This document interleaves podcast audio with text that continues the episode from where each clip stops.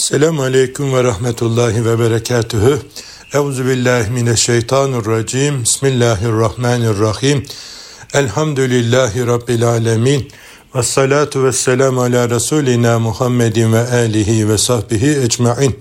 Çok aziz ve muhterem kardeşlerim, bugün de sizlerle birlikte hayata notlar düşmeye devam ediyoruz. Bugün sizlere sevgili peygamberimizden aleyhissalatü vesselamın birkaç mübarek sözünü paylaşıp onlar etrafında birlikte tefekkür edelim diye arzu ediyorum. Rabbimiz duyduklarımızda, dinlediklerimizde, söylediklerimizde amel edebilmeyi hepimize nasip eylesin.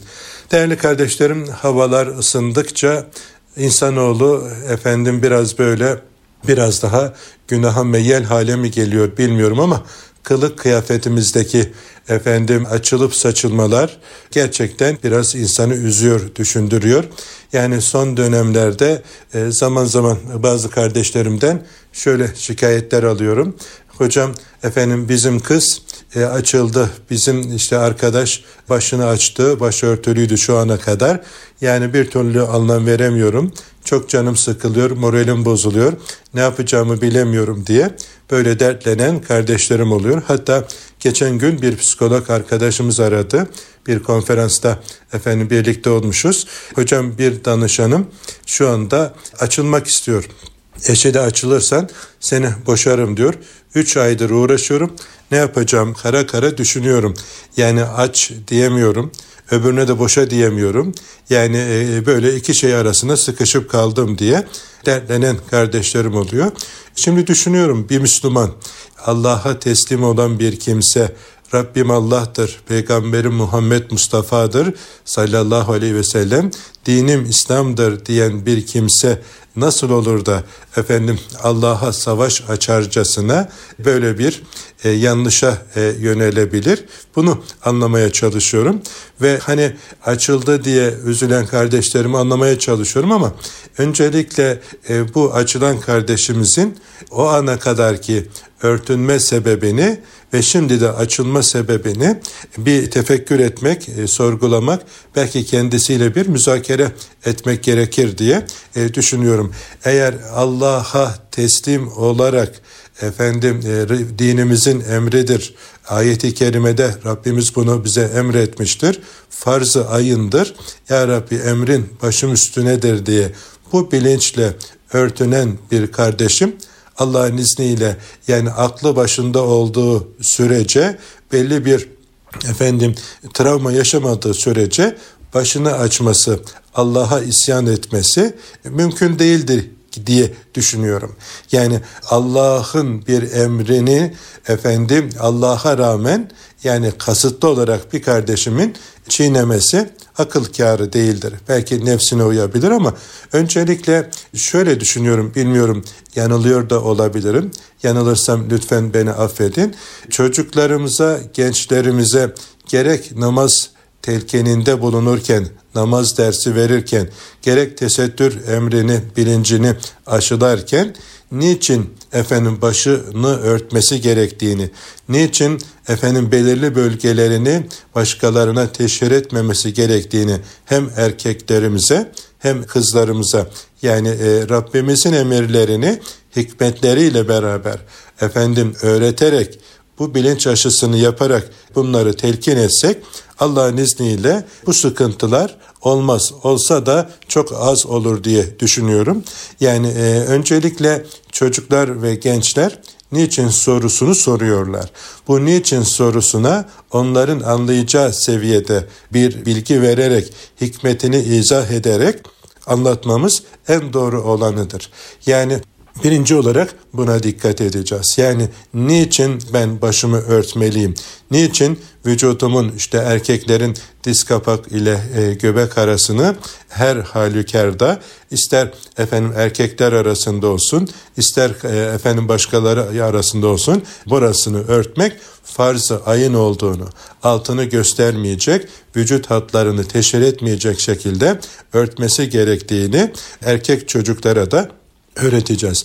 Kız çocuklarımıza da işte efendim 10 e, yaşından itibaren ergenlik dönemine kadar tabii o alıştırma dönemi olabilir ama yani 10 yaşından itibaren Peygamber Efendimiz Aleyhisselatü Vesselam'ın hani kardeşlerin yataklarını ayırın dediği o zaman diliminin ve namaza artık sürekli ve düzenli kılması noktasında belli bir disiplin kazanması gerektiğini tavsiye ettiği o dönemi tesettür açısından da bir başlangıç olarak bendeniz algıladım.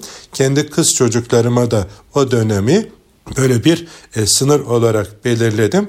Ama oraya gelmeden önce yani böyle 7 yaşından 8 yaşından itibaren yavrucum işte 10 yaşına geldiğinde kılık kıyafetine daha çok dikkat edeceksin.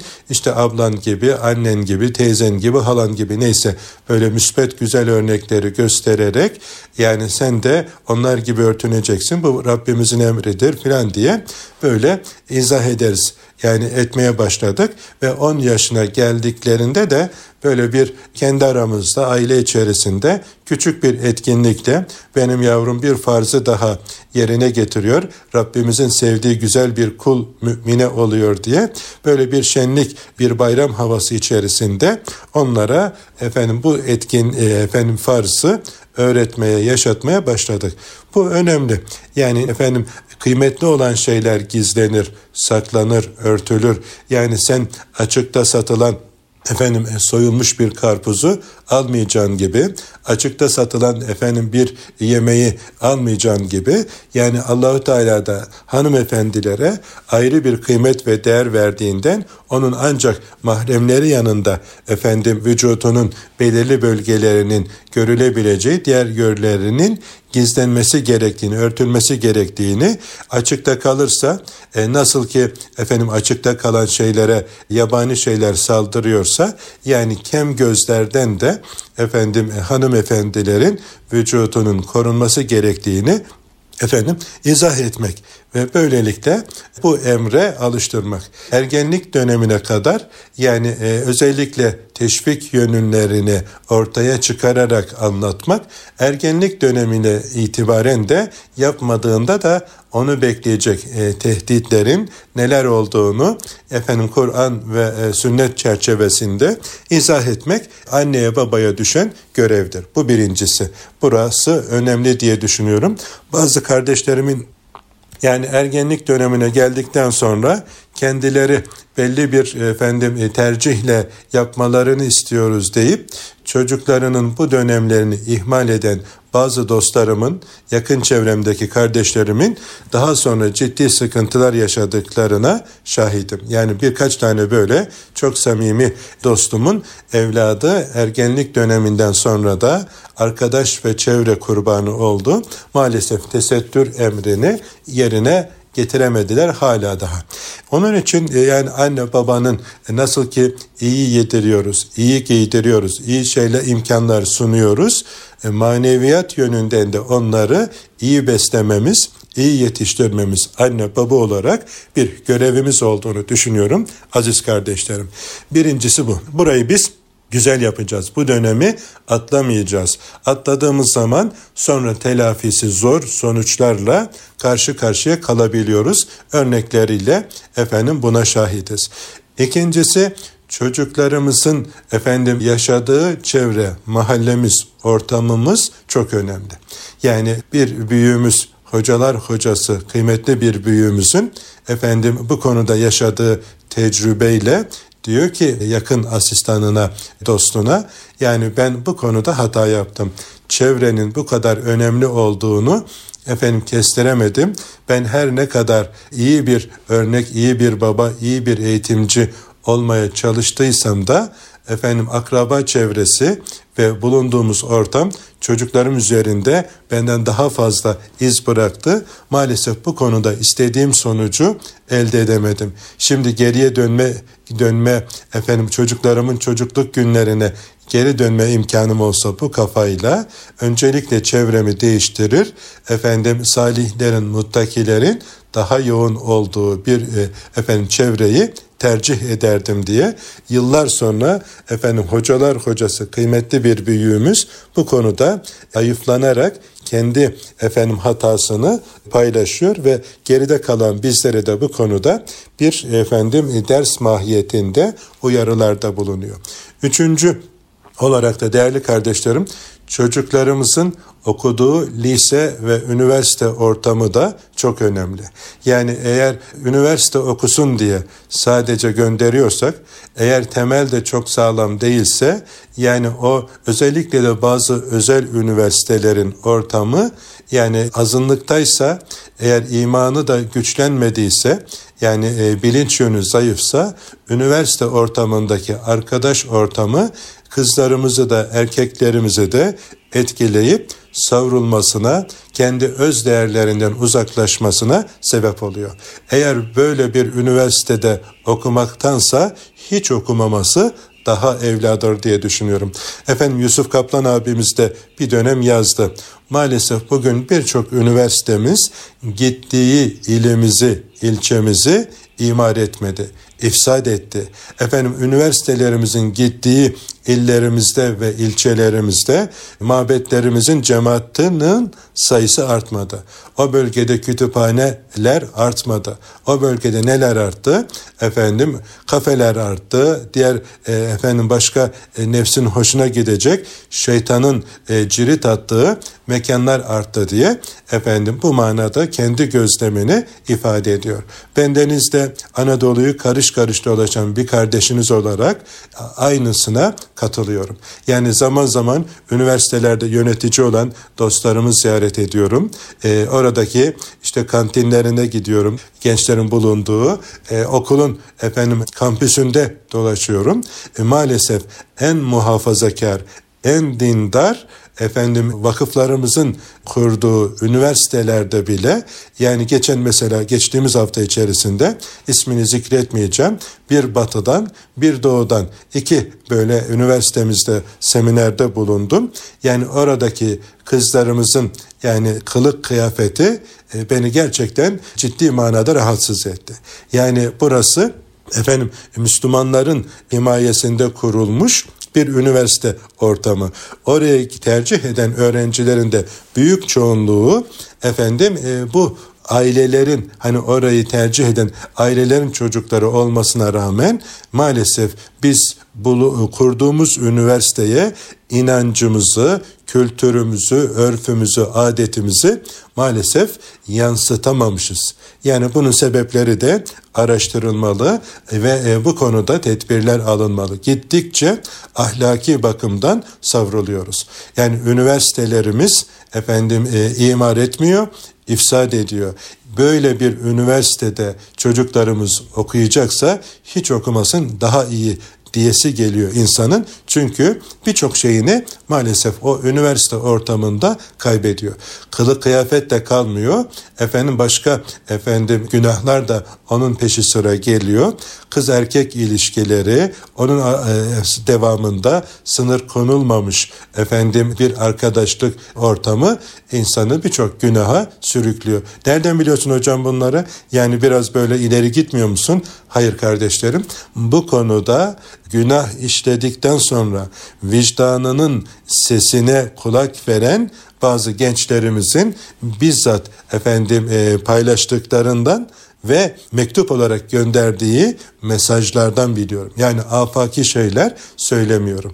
Daha başka bildiğim şeyler de var ama radyomuzun efendim ahengini, maneviyatını bozmamak adına ve bu kötü şeyleri de paylaşarak daha da böyle dinlendirmemek adına söylemek istemiyorum. Ama böyle bir yürek yangınından dolayı da bunları maalesef e, bu konuya dikkat çekmek istiyorum. Gidişatımız bu manada sıkıntılı. Hele de bahar şenlikleri adı altında, mezuniyet şenlikleri adı altında yapılan etkinlikler bu işin zirveye taşınmış göstergesi oluyor. Hatta yani ismini zikretmeyeceğim bir ilahiyat fakültemizin mezuniyet programı geçtiğimiz yıllarda gerçekten insanı ürküttü. Hepimizi ürküttü. İnsanı böyle çileden çıkaracak görüntüler, mezuniyet programı. Eğer ilahiyat fakültemiz bu duruma düşüyorsa diğerlerini zaten e, tasavvur bile edemiyoruz. Kardeşlerim nereye gidiyoruz? Bu gidişin sonu neredir diye e, hepimiz bu soruyu sormamız lazım. Yani bu anne baba olarak soracağız. Davetçi olarak soracağız, hoca olarak soracağız. Efendim vakıflarımız, derneklerimiz, cemaatlerimiz, tarikatlarımız efendim buna bir çözüm üreteceğiz. İyi yediriyoruz, iyi giydiriyoruz. Efendim iyi ortamlar hazırlıyoruz ama ruhunu ve gönlünü boş bırakınca bizim çocuklarımız maalesef bize yabancı hale düşebiliyor. İşte buna karşı e, mutlaka bir tedbirimiz bu ahlaki çöküşe karşı mutlaka bir efendim projelerimiz olmalı. Aliye İzzet Begoviç'in yani insanı böyle sarsan e, bu konuda uyarısı var. Diyor ki şımarmış ahlaken çöküşe geçmiş toplumları ancak iki şey terbiye eder diyor. Birisi savaş, öbürü de efendim e, açlıktır diyor. Allah muhafaza. Yani insanlığın gittiği nokta yani bu manada da e, buraya doğru bizi sürüklüyor. Bu konuda hepimiz üzerimize ne düşüyorsa yapalım diye düşünüyorum aziz kardeşlerim. Ben oğluma güveniyorum, ben kızıma güveniyorum diye bazı anneler babalar böyle duyuyorum. Bu e, elbette güven ama tedbiri de elden bırakma. Bendeniz nefsime güvenemiyorum. Yani nefsimi temize çıkaramıyorum. Çünkü Rabbimiz kitabımızda haber etti ki Bismillahirrahmanirrahim İnnen nefse le emmâretun bissu Muhakkak ki nefis kötülüğü çokça emredicidir diye Rabbimiz kitabımızda bizlere bildiriyor. Nefis terbiye edilmeyince, kontrol altına alınmayınca kötülüğü çokça emredici. Sevgili Peygamberimiz Aleyhisselatü Vesselam da Uhud'dan dönerken efendim ashabından en çok sevdiklerinin şehit olduğu 70 civarında efendim en çok sevdiklerini Uhud eteklerinde bırakıp da dönerken küçük cihattan büyük cihada dönüyoruz diyor. E ya Resulallah bundan daha büyüğü de var mı? Evet diyor sevgili peygamberimiz o da kişinin nefsiyle yaptığı cihattır diyor. Büyük cihada karşı nefsimizi ve neslimizi bilinçlendirmemiz gerekiyor aziz kardeşlerim. Başka bir hadisi şerifte de E'da aduvuke nefsükelleti beyne cembeyk. Sizin en büyük düşmanınız iki yanınız arasında bulunan nefsinizdir buyuruyor sallallahu aleyhi ve sellem Efendimiz. Öyleyse aziz kardeşlerim, can dostlarım, efendim büyük cihada nefsimizi ve neslimizi hazırlamalı ve en büyük düşmanımıza karşı müteyakkız olmalarını, bilinçlenmelerini çocuklarımızın, gençlerimizin sağlamamız gerekiyor. Yoksa Allah muhafaza havaların ısınmasıyla, kılık kıyafetlerin savrulmasıyla, efendim karma ortamlarda geçirilen vakitlerle e, yani çok büyük hatalar geriye dönülmesi, telafi edilmesi mümkün olmayan sonuçlarla evladımız karşı karşıya kalabilir. Yani e, hocam ne olacak?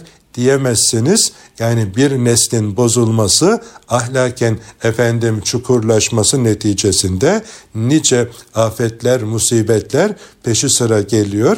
Allah muhafaza Rabbimiz bizi ve neslimizden gelenleri bu asrımızın ve her daim devam edecek olan felaketlerine, musibetlerine karşı bizleri uyanık eylesin ve bu tehlikelere karşı el birliği yaparak seferberlik ilan ederek bir ahlaki kalkınma hamlesi başlatmamız gerekiyor aziz kardeşlerim. Şimdi kısa bir ara verelim. İkinci bölümde kaldığımız yerden devam edeceğiz. Huzur bulacağınız ve huzurla dinleyeceğiniz bir frekans. Erkam Radyo, Kalbin Sesi. Kıymetli kardeşlerim son dönemlerde yaşanan efendim ahlaki çöküntülerin sebeplerine şöyle bir dikkat çekmeye gayret etmiştik birinci bölümde. Bu bölümde de bu tehdide, bu tehlikeye karşı neler yapmamız gerektiğini birlikte yine tefekkür edelim diye arzu ediyorum. Rabbimiz nefsini teskiye eden kurtulmuştur. Nefsine efendim e, tabi olan da helak olmuştur diye ayeti kerimelerde bizlere haber ediyor. Öyleyse nefsimizin istediği her şeyi yerine getirerek onu terbiye etme imkanımız yok. Öyleyse nefsimizi terbiye etmenin yollarını bu konuda tecrübe sahibi olmuş Evliyaullah büyüklerimizin hayatından efendim örneklerle kendimizi ve çoluğumuzu çocuğumuzu nefis terbiyesine, teskiyesine alıştırmamız bu konularda onları bilinçlendirmemiz gerekiyor. Başta Peygamber Efendimiz sallallahu aleyhi ve sellem olmak üzere nefis terbiyesinde nelere dikkat etmiş? Bizler de onları öğrenerek o yolu daha küçük yaştan itibaren çocuklarımıza da öğreterek teşvik ederek efendim bu güzellikleri kazandırmamız lazım. Bir kere mesela sevgili peygamberimizin nefsi terbiye etme noktasında en çok üzerinde durduğu efendim ibadetlerin başında oruç geliyor. Efendim az yemek geliyor. Sevgili peygamberimiz sadece Ramazan ayında değil Ramazandan sonra da değişik günlerde oruç tuttu. Her aydan bir kere üç gün orucu bizlere tavsiye eyledi başında, ortasında, sonunda hiç olmazsa üç gün oruç. Ama Efendimiz Aleyhisselatü Vesselam'ın kendi uygulamalarına baktığımızda pazartesi ve perşembe günleri haftada iki gün oruca devam ettiğini görüyoruz. Bugünlerde Allahu Teala efendim Allahu Teala'ya ameller arz edilir. Ben de amellerimin oruçluyken Allah'a arz edilmesini seviyorum buyuruyor sallallahu aleyhi ve sellem Efendimiz. Biz de kendimiz ve çoluğumuzu çocuğumuzu uzun yaz günlerinde de olsa oruca alıştırmalı, oruca devam ettirmeliyiz. Yine ayın dolunay olduğu zaman diliminde de kameri takvimin 13, 14, 15'inde oruç tutarmış. Sevgili peygamberimiz bizlere de tavsiye ediyor. İşin erbabının naklettiğine göre bugünler mesela kan basıncının arttığı, gelgit olaylarının yaşandığı dünyada ve bu tabiatta cereyan eden Allah'ın kanunları neticesinde insanlar üzerinde de farklı davranışların ortaya çıktığı ifade ediliyor. En çok kazaların, cinayetlerin, kavgaların da bugünlerde daha fazla olduğunu ifade ediyorlar. Bugünlerde oruç tutulduğunda efendim nefsin bu tür taşkınlıklarına karşı da korumuş oluyoruz nefsimizi. Efendim biraz daha kalkanla kalkan altına almış oluyoruz. Yani ayın dolunay zamanında oruçlu geçirmek nefsi korumak adına önemli bir ibadet aziz kardeşlerim. Oruçla birlikte yine nebevi bir reçete az yemeyi çok karıştırmadan efendim ihtiyaç miktarınca yemeyi öğrenmeli ki yani bunu söylerken kendi adıma da utanarak söylüyorum. Yani bu konuda maalesef nefsimizin terbiye edemiyoruz. Yani ülkemiz e, elhamdülillah yeme içme noktasında dünya cenneti. Yani her ilimizde, her bölgemizde e, ayrı güzellikler var. Yani nefsi e, isteğine kendini bırakınca maalesef haddi aşabiliyoruz o konuda. Doymadan kalkabilmeyi ve az yemeyi becerebilsek bu efendim tehlikeye karşı da kendimizi daha efendim koruma altına almış olacağız. Bir başka önemli nokta yine kaybettiğimiz noktalardan bir tanesi e, çok uyumak değerli kardeşlerim. Nefsi terbiye etmenin açtıktan sonra ikinci önemli ayağı efendim az uyumaktan geçiyor. Yine Efendimiz Aleyhisselatü Vesselam'ın uyku düzeni teheccüdle birlikte işrak vaktine kadar oturması hani bugün bunları uygulayabilsek yine manevi bakımdan kendimizi teskiye etmiş, nefsimize karşı da e, ruhumuzu beslemiş, kuvvetlendirmiş olacağız. Bu da yine büyüklerimizin üzerinde durduğu bir mesele. Az yemek, az uyumak, az içmek, az konuşmak efendim bunlar önemli efendim nefsi terbiye etme bakımından. Yani bugün yemek yerken tıka basa doyunuyoruz. Tıka basa efendim meşrubatlarla daha da işi çileden çıkarıyoruz. Sonra yemekten sonra ayakta duracak mecalimiz kalmıyor. Nefes alamıyoruz. Eh ondan sonra bir gaflet uyku basıyor. Yani bütün bunlar nefsin kuvvetlenmesine sebep olan şeyler. E, efendim bunların azalttığımız zaman aziz kardeşlerim nefsin yemini kısmış oluyoruz. Efendim ondan sonra ruhumuzu besleyecek gece teheccüd namazından beş vakit namazı gücümüz yettiğince cemaatle kılmak, günlük olarak Kur'an-ı Kerim'den nasibimizi unutmamak, belirli e, büyüklerimizin reçete olarak verdiği zikirlere devam etmek ve gözümüzü haramdan korumak, kulağımızı haramdan korumak, boğazımızı haramdan korumakla da nefse karşı daha dirençli oluruz. En önemli noktalardan bir tanesi de aziz kardeşlerim bu konuda haram lokmadan sakınmak. Haram lokmayla beslenen bir beden efendim helale yönelmesi, helali düşünmesi, helale odaklanması çok zor aziz kardeşlerim. Nasıl e, beslenirse ancak ona güç kuvvet olduğunu unutmayacağız. Yani yediğimiz, içtiğimiz efendim bizim amelimize dönüşüyor. Bugün gençlerimizin bu kadar savrulmasında bizlerin efendim onları kontrol altına alamayışımızdaki en önemli etkenlerden bir tanesi de helal haram lokma meselesidir.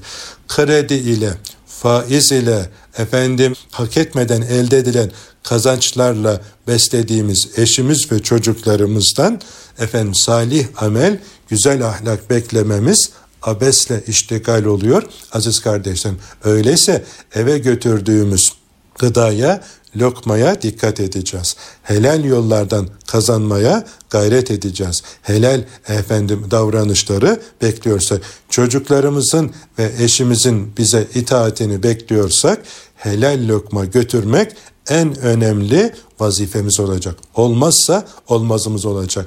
Yani geniş mekanlarda oturmayalım.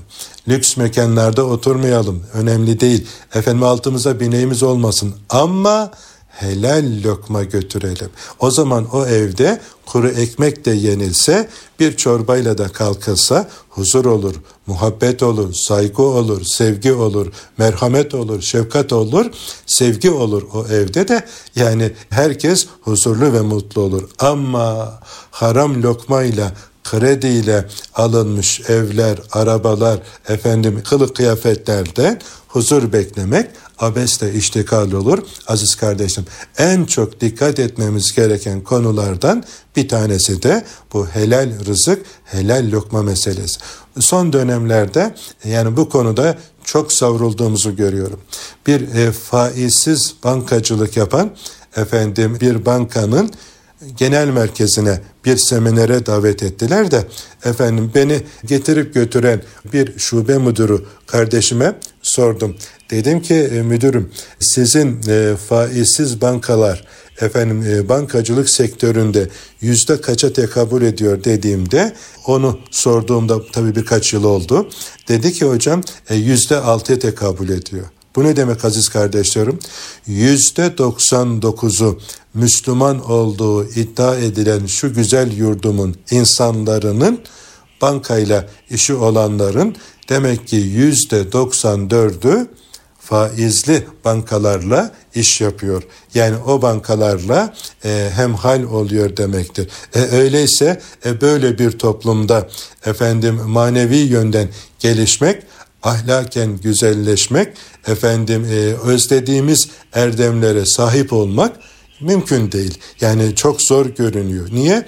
E, haramla beslenen bir toplumda e, güzel davranışlar, helal davranışları beklemek olmuyor aziz kardeşlerim. Onun için bu konuda hepimize ciddi görevler düşüyor. Yani şöyle helal beslenme, helal lokma kazanma noktasında da böyle bir vakfımız, bir sivil toplum kuruluşumuz, efendim kanaat önderlerimiz öncülük etmeli. Bu konuda bilinç aşısı yapılmalı, duyurular yapılmalı. Böyle billboardlar, afişler her taraf bezenmeli. Radyolarda, televizyonlarda, gazetelerde, sosyal medyada bununla ilgili böyle teşvik edici, e, güzelliği artıracak propagandalar yapılmalı, bilinç altları e, helal lokmayla beslenme noktasında yönlendirmeli diye düşünüyorum. Daha çocuğumuz kendini bilmeye başladığı andan itibaren de bu konuda böyle güzel telkinlerde bulunmalı, güzel örneklik ortaya koymalıyız aziz kardeşlerim. Hiç unutmuyorum efendim e, Dursun Ali Taşçı hocama ait güzel bir hatıra. Yani hani çocuklara helal lokmayla besleme ve bu bilinci verme noktasındaki güzel bir örneklik olduğu için sizinle paylaşmak istiyorum. E, yıllar önce diyor efendim e, Rize'den e, Ankara'ya doğru gidiyoruz. Oğlum da o zaman ilkokula gidiyor. Yani küçük daha. Birlikte işte baba oğul yolcuyuz. E, bir yerde yani Tra- Trabzon civarında mı neyse e, böyle tam diyor Ağustos ayında fındıkların olduğu bir zaman diliminde e, yolda otobüsümüz bozuldu. Yolcular aşağıya indi. Otobüsün efendim şu tamirci gelmesi vesaire biraz zaman alacak. E, indik diyor. İner inmez diyor otobüsten yolcular şöyle bir fındık bahçesinin efendim içine doğru gölgeliğe çıktılar. Tabii fındık bahçesine çıkan bazı insanlar fındık ağaçlarına e, sarıldılar. Yani kendilerinin olmayan o fındık bahçesinden koparıp toplamaya yemeye başladılar. Oğlum da tabii toplum psikolojisiyle o da onlarla beraber bir fındık dalına e, uzandı. Tam koparacak. Hemen yapıştım e, oğlumun eline. Aman yavrum sakın efendim yeme bundan e, koparma bunu diye tepki gösterince çocuk şaşırdı. Ama baba herkes koparıyor. Yavrum herkesin koparması bizim de koparmamızı gerektirmez. Bizim olmayan bir şeyi almamız haramdır. Haram nedir babam? Ee, baba diye çocuk diyor tekrar sordu. Yavrucuğum senin oyuncaklarını birinin almasına razı olur musun? Hayır olmam. E peki senin yiyeceğin bir şeyi başkalarının almasını ister misin? Hayır istemem baba. Bu bahçe bizim mi? Değil. Bu fındıklar bizim mi? Değil. Efendim dolayısıyla biz buradan alamayız. Alırsak haram olur. Ben sana inşallah Ankara'ya gittiğimizde ben daha güzelini alıp ikram edeceğim dedim.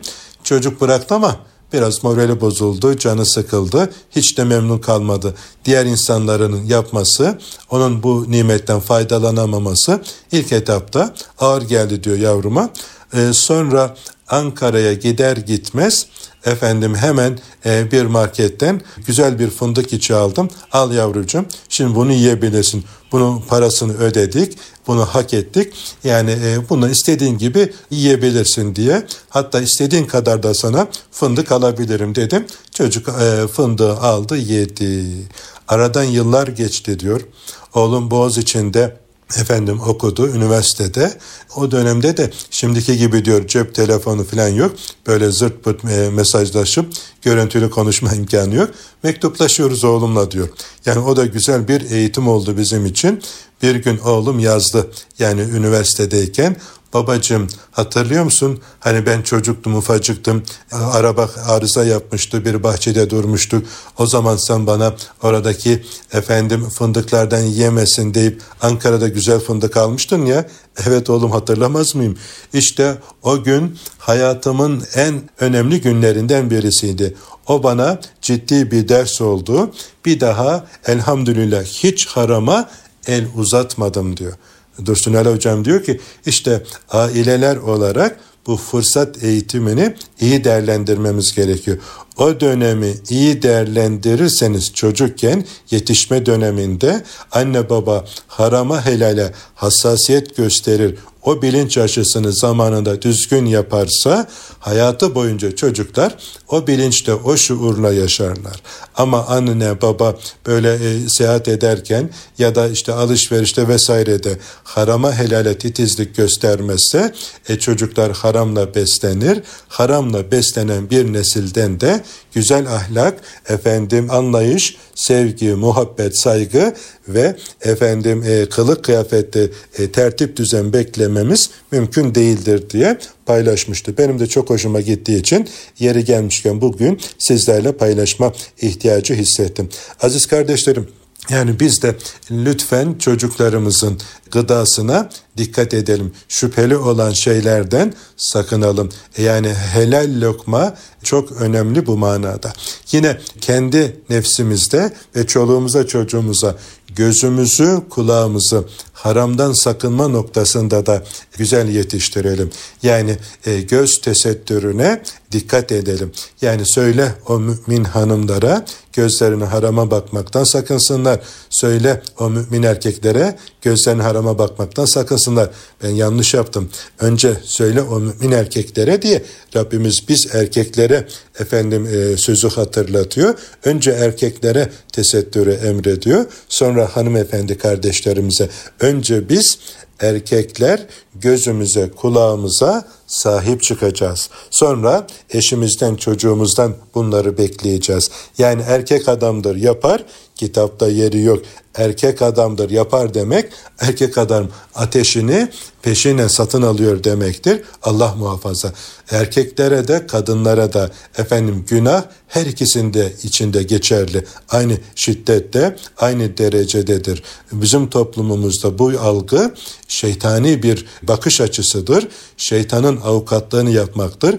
Müslümanca bakış açısı değildir aziz kardeşlerim. Bundan nefsimizi ve neslimizi koruyacağız. Allahu Teala bizleri e, şeytanın maskarası olanlardan eylemesin. Sonra aziz kardeşlerim yani bunlara dikkat edeceğiz ve e, salihlerle oturup kalkacağız. Evimize güzel insanlar gelecek. Biz güzel insanların bulunduğu meclislere, ders halkalarına gideceğiz sohbet ortamlarından.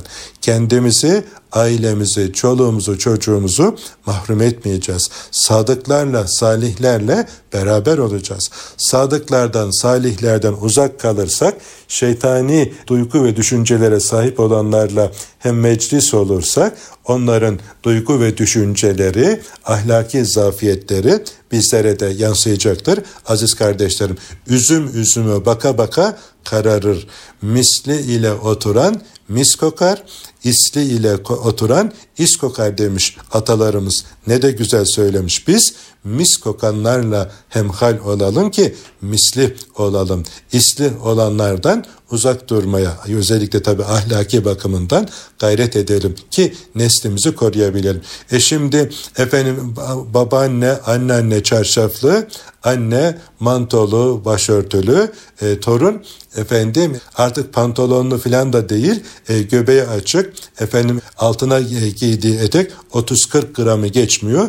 Bu gerçekten çok üzücü bir durum. Yani söyle efendim hepiniz çobansınız himayenizde bulunanlardan mesulsünüz buyuruyor sevgili peygamberimiz sallallahu aleyhi ve sellem. Ey erkekler, ey erkek kardeşlerim, ey kıymetli büyüklerim lütfen sorumluluğumuzun farkında olalım. Nefsimizi ve neslimizi şeytan ve dostlarına karşı koruyalım diye bir kardeşiniz olarak bunları nefsime söylüyorum öncelikle sonra da siz kıymetli kardeşlerimle paylaşmak istedim. Rabbimiz savrulmaktan, şeytana maskara olmaktan, nefsi emmarenin eseri olmaktan bizi, çoluğumuzu, çocuğumuzu korusun. Bunlara karşı hep birlikte savaş açalım. Yani nefisle, şeytanla savaşımızı efendim e, bitirmeyelim ki inşallah kurtulanlardan olalım.